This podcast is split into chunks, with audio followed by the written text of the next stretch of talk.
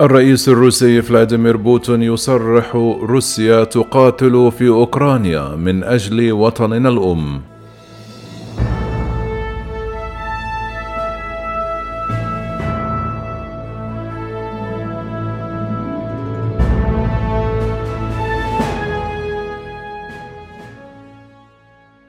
قال الرئيس الروسي فلاديمير بوتين إن القوات الروسية في أوكرانيا تقاتل من أجل مستقبل وطنها الأم وذلك في خطابه السنوي بمناسبة النصر على ألمانيا النازية في الحرب العالمية الثانية.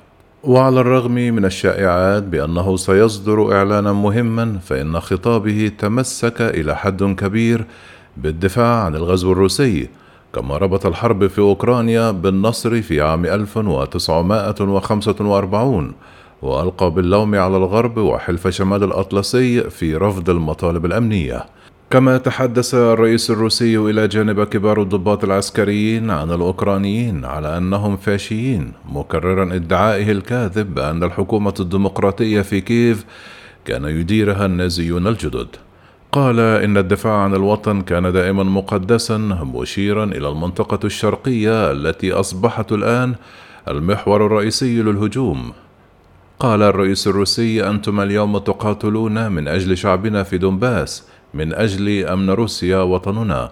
كما وجه الرئيس الروسي ادعاءات ضد الناتو وأوكرانيا ووصف الغزو بأنه رد وقائي. كانوا يستعدون لعملية عقابية في دونباس للتطفل على أراضينا. وفي كيف كان يقول أنهم قد يحصلون على أسلحة نووية ويبدأ الناتو في استكشاف الأراضي القريبة منا والتي أصبحت تهديدا واضحا لنا ولحدودنا. رد مسؤول الرئاسة الأوكراني ميخائيل بودولاك في وقت لاحق وغرد أنه لا توجد أسباب منطقية للحرب. دول الناتو لن تهاجم روسيا. أوكرانيا لم تخطط لمهاجمة شبه جزيرة القرم. كانت هناك تكهنات بأن الرئيس الروسي فلاديمير بوتين ربما يفكر في تغيير الاستراتيجية العسكرية. إما إعلان حرب كامل بدلا ما يسمى بالعملية العسكرية الخاصة الحالية أو تعبئة الرجال الروس لتعزيز القوات المسلحة.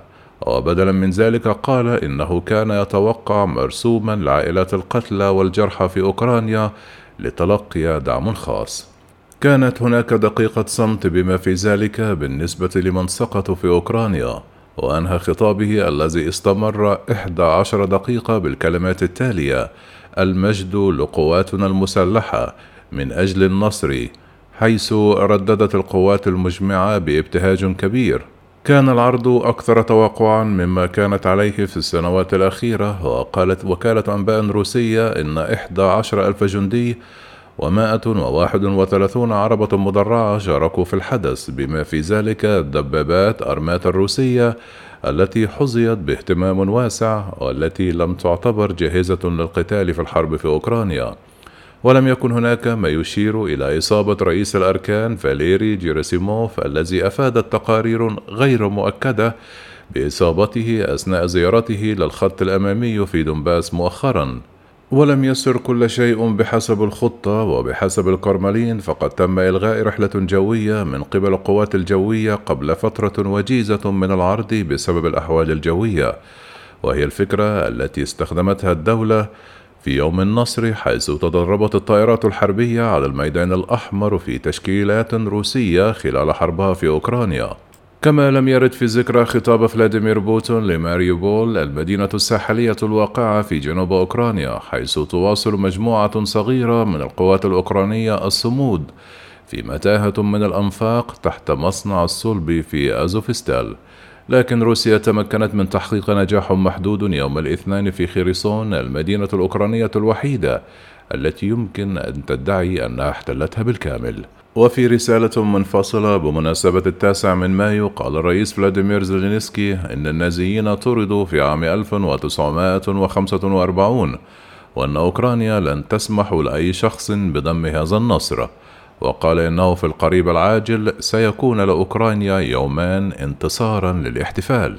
كما حدثت عدة أعمال احتجاج صغيرة في روسيا وتعرضت الصفحة الأولى من موقع قصص مفصلة مع عناوين رئيسية من بينها روسيا تترك جثث جنودها في أوكرانيا وفي بولندا تم صبغ السفير الروسي سيرجي أندريف بالطلاء الأحمر بينما كان يحاول وضع إكليل من الزهور على مقبرة عسكرية في بولندا.